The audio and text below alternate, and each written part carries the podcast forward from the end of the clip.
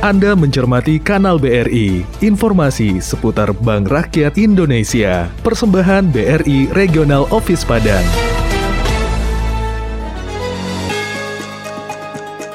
BRI melayani setulus hati.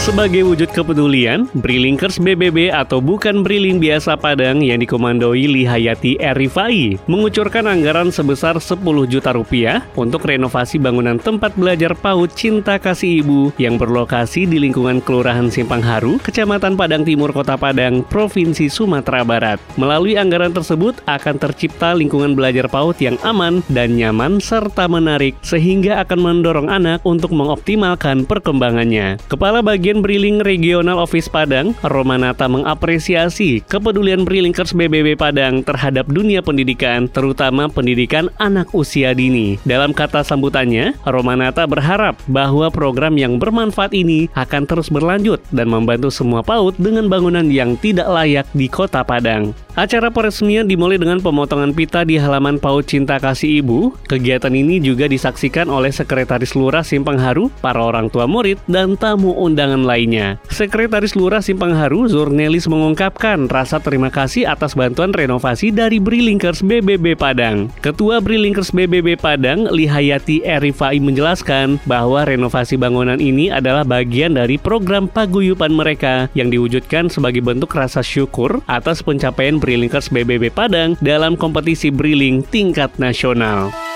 Anda baru saja mencermati Kanal BRI. Program ini hadir setiap hari di jam 14 waktu Indonesia Barat. Persembahan BRI Regional Office Padang dan Radio Klesi 103,4 FM.